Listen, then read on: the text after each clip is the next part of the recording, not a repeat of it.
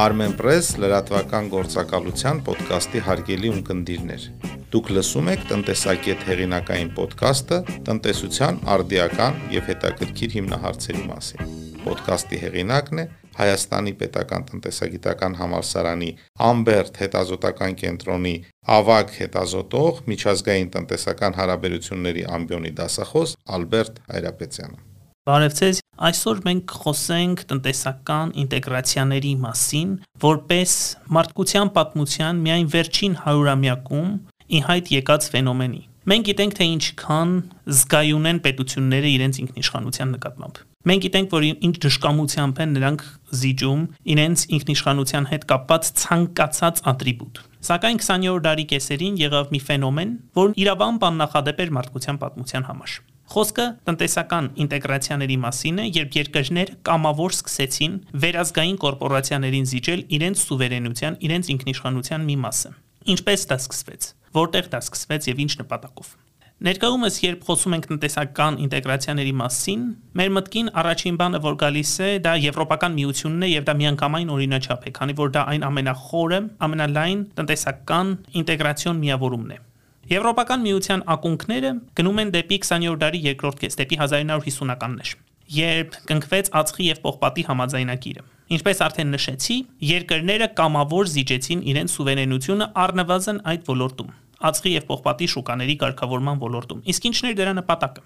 Մտովի փորձենք հետ գնալ դեպի այդ ժամանակաշրջան։ Հետպատերազմյան ժամանակաշրջան։ Պարտված Գերմանիա Եվրոպան մեկ անգամ արդեն տեսել էր ռևանշիստական Գերմանիա։ Մեկ անգամ արդեն տեսել էր միջպատերազմական ժամանակաշրջան։ Եվ այդ ժամանակաշրջանում ածուխը եւ պողպատը ռազմաարդյունաբերության էլիքսիրի դերն էին կատարում։ Եվ կար վտանգ, որ կրկին Գերմանիան կտոգորվի ռևանշիստական գաղափարներով եւ կդառնա մեկ այլ նացիստական կամ ավելի վտանգավոր պետություն փորձելով գրավել ամբողջ Եվրոպան։ Հին մայրցամաքում խաղաղության տևական պահպանման նպատակով որոշեցին, որ վիճելի տարածքներում գտնվող կարևորագույն այդ հանքանյութերի տիրապետումը պետք է կատարվի վերազգային մարմինների միջոցով։ Ստեղծվեց ածխի եւ պողպատի հանձնաժողովը, որի առաջին նախագահը դարձավ հայտնի Ժան Մոնեն։ Տոգորված այդպես իր եվրոպական, համաեվրոպական, եթե կարելի այդպես ասել, գաղափարներով։ Արևմտյան Գերմանիայից եւ Ֆրանսիայից բացի Այդ միության անդամ դարձան նաև Իտալիան եւ Բենիլյուքսի երկրները, Բելգիան, Նիդերլանդները եւ Հոլանդիան։ Հենց այդ 6 երկրներն էլ ստեղծեցին այն տնտեսական ինտեգրացիոն միավորումը, որը հետագայում պետք է վերաճեր եւ վերածվեր Եվրոպական միության։ Սա պատմության մասին շատ համառոտ, շատ հակիրճ, իսկ ինչ է տնտեսական ինտեգրացիան։ Երբ երկրները կամովին նպաստում են միմյանց մեջ առևտրի ել ավելի ազատականացմանը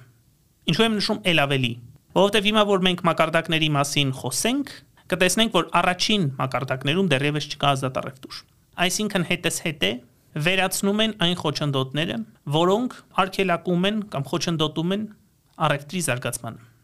Սա արվում է ոչ միայն եւ ոչ այնքան խաղաղության պահպանման նպատակով, որքան այն նկատառումներից ելնելով, որ ազգային տնտեսության սահմանների ներսում պետություններն ի վիճակի չեն բավարարել կամ լիովին բավարարել անհատների եւ մասնավորապես վերազգային կորպորացիաների շահերը եւ այդ սուբյեկտների շահերը գնում են ազգային սահմաններից անդին ուստի անհրաժեշտություն է առաջանում վերացնել միջպետական տնտեսական սահմանները արտադրողների համար ավելի լայն հնարավորություններ իսկ սպառողների համար ավելի մրցունակ գներով ապրանքներ ստեղծելու նպատակով Տնտեսական ինտեգրացիայի փուլերը հետևյալներն են. արտոնյալ առևտրային գոտիներ, ազատ առևտրային գոտիներ, մաքսային միություն, ընդհանուր շուկա, տնտեսական եւ արժութային միություն, լրիվ ինտեգրացիա։ Որն է արտոնյալ առևտրային համաձայնագիրը։ Այն ինչ կա օրինակ մեր եւ Եվրոպական միության մասին։ GSP+-ը այդպիսի համաձայնագրի դասական օրինակ է։ Երբ երկրները միմյանց հանդեպ կիրառում են ավելի ցածր, ավելի նպաստավոր մաքսատուրք, քան այլ երկրների նկատմամբ։ Հաջորդ մակարդակը ազատ առևտրային գոտիներն են։ Երբ երկրները միմյանց հանդեպ չեղարկում են մաքսատուրքերի կիրառումը։ Հաջորդ փուլը մաքսային միությունն է, երբ երկրները վարում են միասնական մաքսային քաղաքականություն երրորդ երկրների նկատմամբ։ Ինչ է սա նշանակում,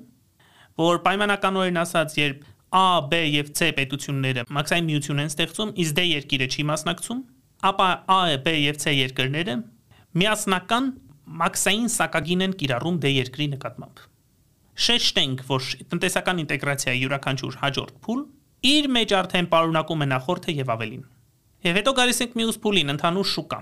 Այս փուլում մենք ունենք այսպես կոչված 4 ազատությունները. ապրանքների, ծառայությունների, կապիտալի եւ աշխատուժի։ Եվ այստեղ հարց կարող է առաջանալ։ Արդյոք նախքան դա չկար ապրանքների ազատ առևտուր։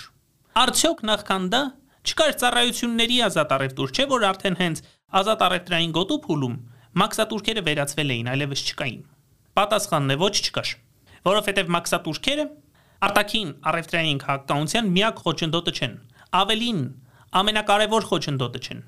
Կան նաև այսպես կոչված ոչ սակագնային խոչընդոտներ, ինչպիսիք են օրինակ քանակական սահմանափակումները, ինչպես օրինակ քվոտաները, որոնք որպես քանակական սահմանափակումների տարատեսակ, լիցենզիաները, սանիտարական եւ ֆիտոսանիտարական ստանդարտները եւ այլն։ Եթե բաժանենք ավելի մեծ խմբերի, ապա կարելի է դասակարգել սակագնային սահմանափակումներ, որոնց մեջ են մտնում ներմուծման եւ արտահանման մաքսատուրքերը, քանակական, օրինակ քվոտաները, առևտրի կամավոր սահմանափակումները եւ վարչական, ինչպես օրինակ ֆիտոսանիտարական, սանիտարական նորմերը եւ այլն։ Կան նաեւ այսպես կոչված թաքնված հովանավորչական մեթոդներ։ Օրինակ, պետական գնումներ իրականացնելիս տեղական ապրանքներին նախընտրություն տալը կամ սուբսիդիաները եւ այլն։ Եվ երբ մենք ասում ենք ապրանքների եւ ծառայությունների ազատ տեղաշարժ, նկատի ունենք, որ որևէ կերպ այդ տեղաշարժը կլինի լիցենզիաներով, կլինի քվոտաներով, կլինի առևտրի կամավոր սահմանափակումներով չի խոչընդոտվում։ Նույնը վերաբերում է նաև ծառայություններին։ Եվ հաջորդ երկուսը, որ ասացի, կապիտալի եւ աշխատուժի ազատ տեղաշարժ։ Եվ այստեղ հարց կարող է առաջանալ։ Արդյոք մենք այս ամենն ունենք Եվրասիական տնտեսական միությունում։ Առնվազն աշխատուժի ազատ տեղաշարժի կտրվածքով կարող եմ պնդել, որ ոչ չունենք։ Քանի որ Հայաստանի քաղաքացին, եթե չունի մշտական բնակության իրավունք, Օրենքով սահմանված կարգով 90 օր ապրելուց հետո Ռուսաստանի Դաշնությունում կամ Ղազախստանի Հանրապետությունում պետք է հատի ազգային սահմանը եւ կրկին վերադառնա։ Սա մի նորմ է, որը չի կիրառվում օրինակ Եվրոպական միության ներսում միության անդամ երկրների քաղաքացիների նկատմամբ։ Եվ այդպիսի ազատություն ունենալու համար նախ եւ առաջ հիմնարար փաստաթղթերի փոփոխություններն անհրաժեշտ, այսինքն դա պետք է նախատեսված լինի միության հիմնարար փաստաթղթերում, ինչպես օրինակ այն նախատեսված է Լիզբոնյան համաձայնագրում, որը եվրոպական ինտեգրացիայի այս պայի դրությամբ կարևորագույն փաստաթուղթն է։ Հաջորդ փուլում արդեն ունենք տնտեսական եւ արժութային միություն։ Սա նույն ընդհանուր շուկան է, որին ավելանում է միասնական դրամավարկային քաղաքականությունը։ Տնտեսական եւ արժութային միության օրինակներ են Եվրակոտու անդամ երկրները, որոնք 19-ն են, չեն ներառում Եվրոպական միության բոլոր 27 երկրները, Շվեյցարիան եւ Լիխտենշտայնը, ինչպես նաև Իսրայելը եւ Պաղեստինը, որին ակադեմիական գրականության մեջ հաճախ անվանում են նաև բռնի մաքսային միություն։ Պաղեստինում, եթե չգիտեք, ասեմ, որ շրջանառվում է իսրայելական արժույթը, նոր իսրայելական շեկել։ Եվ այստեղ կարող է հարց առաջանալ. արդյոք նպատակահարմար է Եվրասիական տնտեսական միության տարածքում ունենալ միասնական արժույթ։ Այս հարցին փորձենք պատասխանել հղում անելով օպտիմալ արժութային գոտիների մասին տեսությանը։ Տեսությունն ասում է, որ որպեսի աշխարհագրական տարածքում նպատակահարմար լինի կիրառել միասնական արժույթ, անհրաժեշտ է A. որպեսի բիզնես ցիկլերը լինեն կորելացված։ B. որպեսի տնտեսություններն ունենան միևնույն կառուցվածքը։ Ինչ ենք հասկանում բիզնես ցիկլերի կորելացիա ասելով։ Բիզնես ցիկլերի կորելացիա նշանակում է, որ եթե A երկրում ճգնաժամ է, B երկրում նույնպես պետք է լինի ճգնաժամ եւ հակառակը։ Եթե A երկրում վերելք է, B երկրում նույնպես պետք է լինի տնտեսական ծաղկում կամ բում։ Անվանենք ինչպես ուզում ենք։ Եվ տնտեսությունների միևնույն կառուցվածք ավելի պատկերավոր հասկանալու համար բերենք պայմանական Ռուսաստանի եւ Ճապոնիայի օրինակ։ Պատկերացրեք Ռուսաստանը եւ Ճապոնիան որոշել են ստեղծել միասնական կենտրոնական բանկ, ինչպես նաև միասնական արժույթ։ Ենթադրենք այդ արժույթին անվանում են Jabrus, Japan Russia։ Եվ ավելի խորը ընկալելու համար պատկերացնենք, որ նավթի համաշխարհային գներն անկում են ապրում։ Սա Միանգամայն նպաստավոր է ճապոնական տնտեսության համար, քանի որ վերջինս ունի արտահանման կողմնորոշված տնտեսություն, դեպի արտահանում կողմնորոշված տնտեսություն։ Երբ նավթի գներն իջնում են, մեծանում է ճապոնական ավտոմեքենաների հանդեպ պահանջարկը որպես օրինակ։ Բայց ի հակառակ Ռուսաստանի տնտեսությունը, որը մեծապես կախված է նավթի համաշխարհային գներից, կորցնում է մեծ քանակությամբ արտաշույթ։ Եվ այս պարագայում Ռուսաստանի համար ձեռնտու կլինի, որ այդ միասնական կենտրոնական բանկը մեծ քանակությամբ արտարժույթ, օրինակ դոլար, եվրո եւ այլն, ներարկի տնտեսության մեջ ստաբիլ պահելու համար միասնական արժույթի փոխարժեքը։ Ինչը չի բխում Ճապոնիայի շահերից։ Քանի որ առնվազն կարճաժամկետում ազգային արժույթի արժեզրկումը նպաստում է արտահանմանը։ Իսկ Ճապոնիան, ինչպես արդեն նշեցինք, ունի դեպի արտահանում կողնորոշված տնտեսություն։ Ինչ պետք է անի այս բարակայում կենտրոնական բանկը, երբ երկրներն ունեն հակադիր տնտեսական նպատակներ այստեղ հարց կարող է առաջանալ։ Արդյոք Եվրոպական միությունը արժութային օպտիմալ գոտի է թե ոչ։ Գուցե եւ ոչ։ Սակայն միասնական դրամավարկային քաղաքականության բացական հետևանքները որոշակիորեն մեղմվում են կապիտալի եւ աշխատուժի ազատ տեղաշարժի շնորհիվ։ Այսինքն, երբ պատկերավոր ասած Հունաստանում ճգնաժամ է, իսկ Գերմանիայում վերելք, հույն աշխատողները որոնք այդ ճգնաժամի արդյունքում դարձել են գործազուրկ, կարող են գնալ Գերմանիայում եւ առանց որևէ խոչընդոտի աշխատել այդ երկրում։ Ինչպես նաեւ կապիտալի ազատ տեղաշարժ։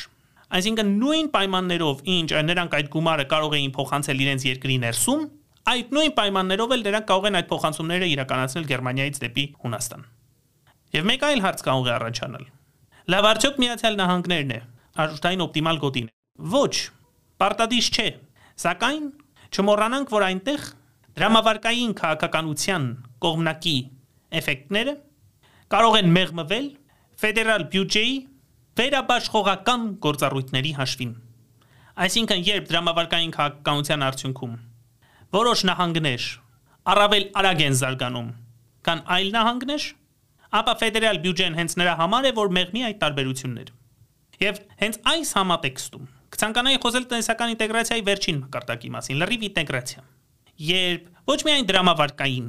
այլև հարկաբյուջետային քաղաքականությունը տեղի է ունենում միասնաբար։ Նման օրինակ չեմ կարող բերել, քանի որ աշխարհում դեռևս չկա։ Վերջին այդպիսի օրինակը, եթե կարելի է դա լրիվ ինտեգրացիա համարել, Սերբիա եւ Մոնտենեգրոն էր, որը որպես կոնֆեդերացիա փլուզվեց եւ այդ երկու երկրները Սերբիան եւ Մոնտենեգրոն համապատասխանաբար դարձան առանձին անկախ պետություններ։ Եվրոպական միությունը մոտ է դրան այն առումով, որ ներդաշնակեցվում է հարկաբյուջետային քաղաքականությունը, սակայն այն լրիվ ինտեգրացիայի օրինակ համարել չի կարելի, քանի որ առնվազն կա երկու ոլորտ, որոնք ոչ թե վերազգային, այլ ազգային կառավարությունների միջոցով են իրականացվում։ Այսինքն ոչ թե Բրյուսելում են իրականացվում, այլ անդամ երկրների մայրաքաղաքներում։ Մեկը եւ կարևորագույնը ըստիս ֆիսկալ կամ դրամավարկային քաղաքականությունն է, որը անդամ պետությունների մենաշնորհն է, եւ մյուսը պաշտպանությունն է արտաքին քաղաքականությունը, որը ինտեգրացիայի հետ կապ չունի, բայց դա մի ոլորտ է, որը դեռևս վերապահված չէ կամ պատվիրակված չէ վերազգային մարմիններին։ Շատ լավ, իսկ ինչպիսի տնտեսական միությունների է անդամակցում Հայաստանի Հանրապետությունը։ Հայաստանի Հանրապետությունը, ինչպես գիտեք, Եվրասիական տնտեսական միության անդամ է։